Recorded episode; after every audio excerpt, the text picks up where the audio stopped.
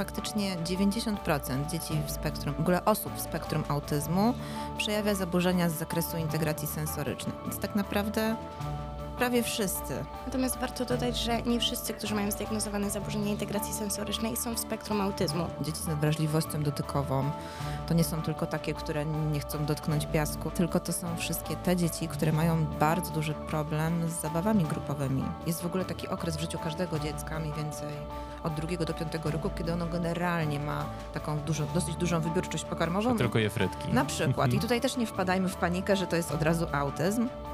Włącz się w rozmowy o wychowaniu i edukacji. Czekają interesujący goście i ważne tematy. Zapraszam do studia Eduakcji. Piotr Sobolewski. Eduakcja. Przyszłość stworzą dzieci. Witajcie w studiu do akcji. Temat dzisiejszego odcinka dotyczyć będzie integracji sensorycznej dzieci w spektrum autyzmu. A są z nami Karolina Zakrzewska oraz Marta Hojka-Pawlina, pedagogzki specjalne i oczywiście ekspertki eduakcji. Cześć dziewczyny. Cześć. Porozmawiamy o integracji sensorycznej, bowiem e, jak słyszałem od Was w kuluarach, to jest jedno z najczęstszych e, zaburzeń, które dotyka dzieci w spektrum autyzmu. E, no jak to wygląda? W sensie, czy te połączenie jest częste, bardzo częste, czy wyjątkowo trudne, dlatego o tym się często mówi? faktycznie 90% dzieci w spektrum, w ogóle osób w spektrum autyzmu przejawia zaburzenia z zakresu integracji sensorycznej. Więc tak naprawdę prawie wszyscy, e, którzy mają diagnozę spektrum, mają też zaburzenia sensoryczne i one bardzo wpływają na ich funkcjonowanie. Natomiast warto dodać, że nie wszyscy, którzy mają zdiagnozowane zaburzenie integracji sensorycznej są w spektrum autyzmu. Oczywiście. Tak, oczywiście. To też trzeba mhm, Tak, oczywiście. Mhm. E, jak zatem, e, w jakim obszarze integracji sensorycznej e, przejawiają się te zaburzenia? Tak naprawdę wszystkie zaburzenia z zakresu integracji sensorycznej mogą dotknąć osoby ze spektrum autyzmu. najczęściej mówimy o nadwrażliwości przedsionkowej albo podwrażliwości przedsionkowej. Czyli? Dobrze, to może zacznę od tego, czym jest nadwrażliwość, a czym jest podwrażliwość. Tak, prawda? w telegraficznym skrócie. No. Bardzo. E, generalnie, kiedy mamy za dużo jakichś bodźców, to zaczynają u nas powodować dyskomfort. E, a osoby, które mają nadwrażliwość, nawet nazwijmy to normalna dawka bodźców, która nam nie przeszkadza, u nich będzie wywoływać już jakiś dyskomfort. Mhm. Czyli na przykład, jeśli radio gra za głośno, e, to nam to przeszkadza, im też. Kiedy radio gra normalnie, nam to nie przeszkadza, a osobom, które mają nadwrażliwość, już będzie. Mhm. E, podwrażliwość jest czymś zupełnie odwrotnym. E, czyli ta ilość bodźców, która dla nas już będzie za duża, dla nich jest dla. Nich jest normalna, wystarczająca. Albo normalna, bo no. nie mhm. Natomiast układ przedsionkowy sam w sobie odpowiada przede wszystkim za zmysł równowagi mm, i odpowiada za tak zwane czucie ruchu. Czyli to jest nasza potrzeba ruchu mhm. po prostu. Czyli, że takie dzieci na przykład bardzo mocno są ruchliwe? Bardzo dobrze to zrozumiałeś. Mhm, jasne. E, no dobrze. Jakie zachowania w takim razie mogą przejawiać dzieci w spektrum autyzmu, które mają zaburzoną integrację? Tak mhm. Tak obrazując to na poziomie grupy przedszkolnej. I jak możemy reagować? Okay. Najczęstsze. Najczęstsze to na pewno e, nadwrażliwość słuchowa. Mhm. Nadwrażliwość dotykowa też się często e, jest też często można ją zaobserwować u mhm. dzieci ze spektrum autyzmu.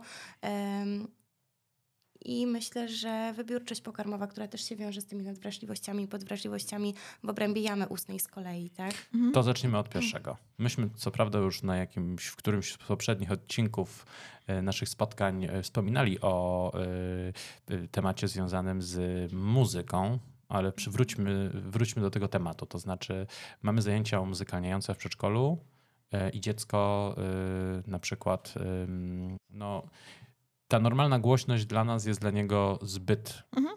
duża. W jaki sposób reaguje i jak my możemy na to zareagować? Na pewno się tutaj pojawi zatykanie uszu, żeby odciąć się od tego bodźca, który jest dla niego nieprzyjemny.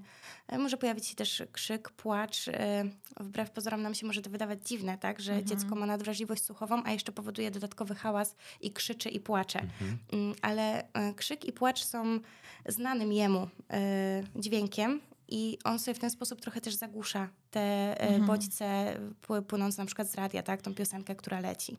Mm, A jak reagować? E, Przede wszystkim bardzo pomocne będą słuchawki wyciszające. E, I tutaj warto, żeby dziecko je miało i w przedszkolu, i w domu. Bo jeśli ma nadwrażliwość słuchową w przedszkolu, no to wiadomo, w domu też ją będzie miało, na ulicy ją będzie miało tak naprawdę w każdej sytuacji. E, takie zachowania mogą się pojawić, więc tutaj możemy poprosić rodziców o zakup. E, Dodatkowo możemy posadzić dziecko e, dalej od źródła dźwięku niż większość grupy. Czyli żeby- mieć na, u- na uwadze to, żeby nie stało przy na tym przykład przy magnetofonie. głośniku, Mhm. tak? Albo właśnie przy magnetofonie. No myślę, że tutaj To przy, przy nadwrażliwości tak, przy nadwrażliwości to, to takie najważniejsze kwestie. Właśnie bycie z dala od źródła dźwięku i Tak. te słuchawki wygłuszające, jeżeli nie jesteśmy w stanie odsunąć dziecka od źródła Mhm. dźwięku. Tak? Na przykład jak jest jakieś przedstawienie, jest większy gwar, hałas, to, to wtedy na pewno słuchawki będą bardzo pomocne. Mhm. Y, Ja rozumiem, że to jest tak, że y, rozumiem, jaką technikę zastosować, Mhm. jakie narzędzia de facto. Natomiast kiedy y, mamy tą akcję, która się dzieje, Po raz pierwszy. Po raz, no, uznajmy, że już to nie jest pierwszy raz, ale dajmy na to, Mhm. że pierwszy raz tak intensywnie i, i jest ta histeria, Mhm. no to wtedy y, w jaki sposób zareagować właściwie tu i teraz, żeby z jednej strony no, zachować jakąś tam, y, żeby ta awantura i żeby ta histeria nie rozlała się na całą grupę, a jednocześnie, żeby rzeczywiście pomóc temu dziecku.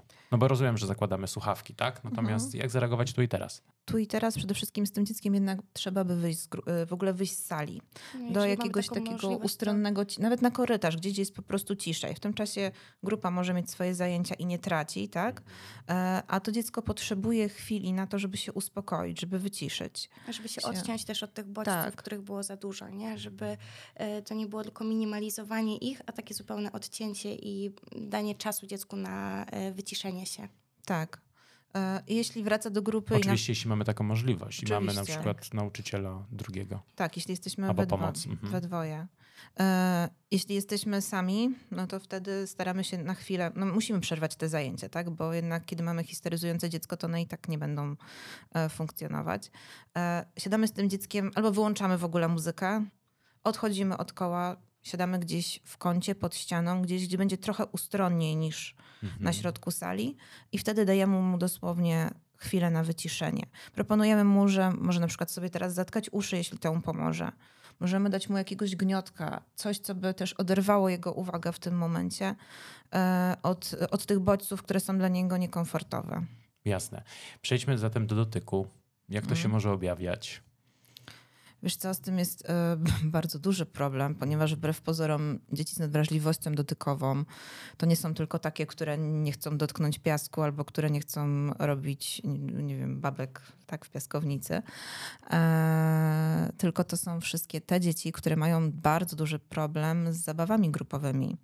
Na przykład takimi, w których, no właśnie, wszystkie zabawy grupowe w przedszkolu to jest łączenie się w pary, przechodzenie z kółka do kółka. Trzymanie się w kole, trzymanie się, Mhm. Tak, a dla nich każde takie otarcie się e, albo złapanie kolegę za rękę to już jest dyskomfort.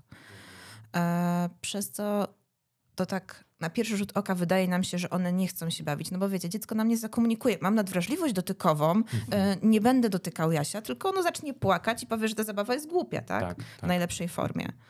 E, Albo w ogóle usiądzie w kącie i tyle.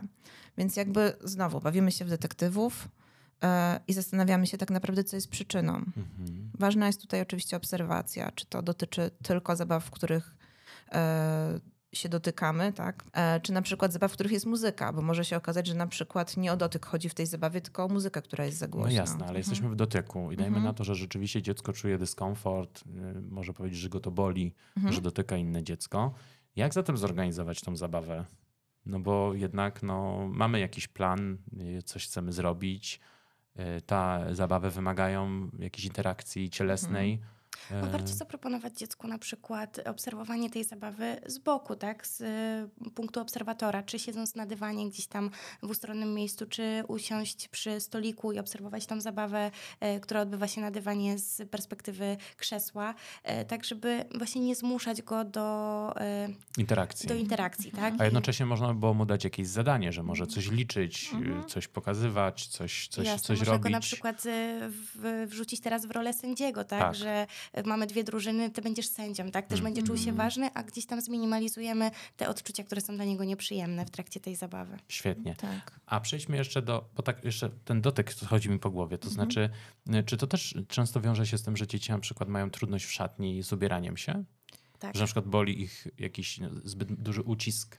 Mm, No Znaczy, może może, nie niektóre- tyle ucisk, bo za to odpowiada bardziej układ preproceptywny, ale na przykład ubrania i faktury mogą być dla nich em, Metki, nieprzyjemne, E, metki w ubrania. Ubierać. Na przykład warto też zaobserwować, jeżeli e, widzimy, że dziecko często e, właśnie e, bez wyraźnej przyczyny krzyczy, płacze właśnie w sytuacji czy w szatni, czy w toalecie i nie mamy innego pomysłu, nic nam więcej nie przychodzi tutaj do głowy, jak, jaka mogłaby być przyczyna, warto na przykład zaobserwować, czy gdzieś te ubrania nie sprawiają dyskomfortu dziecku i może porozmawiać wtedy z rodzicem o tym, żeby ubierać go jednak inaczej do przedszkola, bo Teraz nawet sobie pomyślałem, że zabawki przecież mają różną y, Mhm.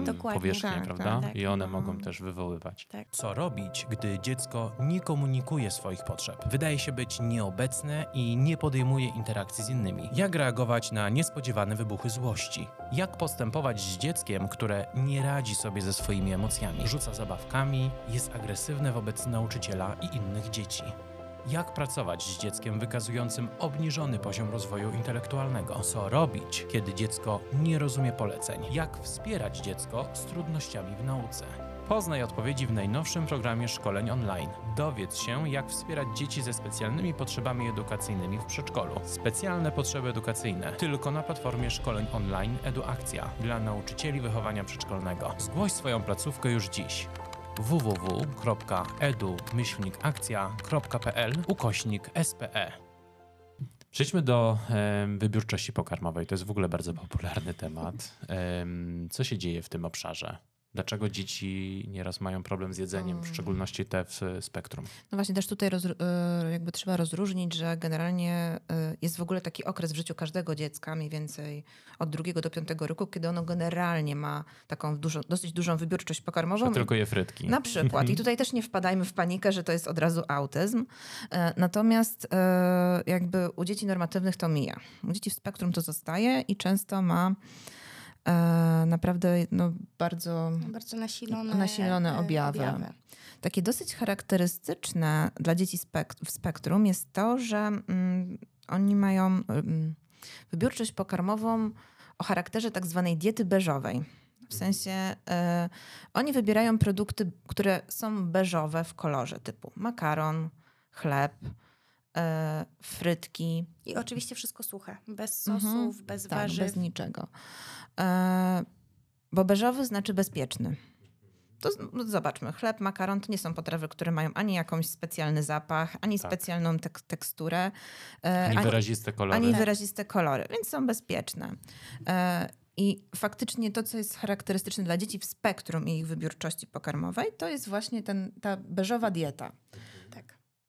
Natomiast może być jeszcze cała inna gama różnych przyczyn wybiórczości. Tak? To nie jest tak, że to tylko dieta beżowa, ale może ta wybiórczość mieć zupełnie też inny e, charakter. Czyli ten kolor ma, jak rozumiem, wiązać się z takim poczuciem bezpieczeństwa, tak? tak, tak. Mhm. Natomiast y, wspominałaś kiedyś o tym, że mm, wiąże się to też z. Y, Nad wrażliwością dotykową w obszarze jamy ustnej. Dokładnie. Wiesz co, tak, ponieważ, e, no właśnie, przyczyn wybiórczości jest mnóstwo.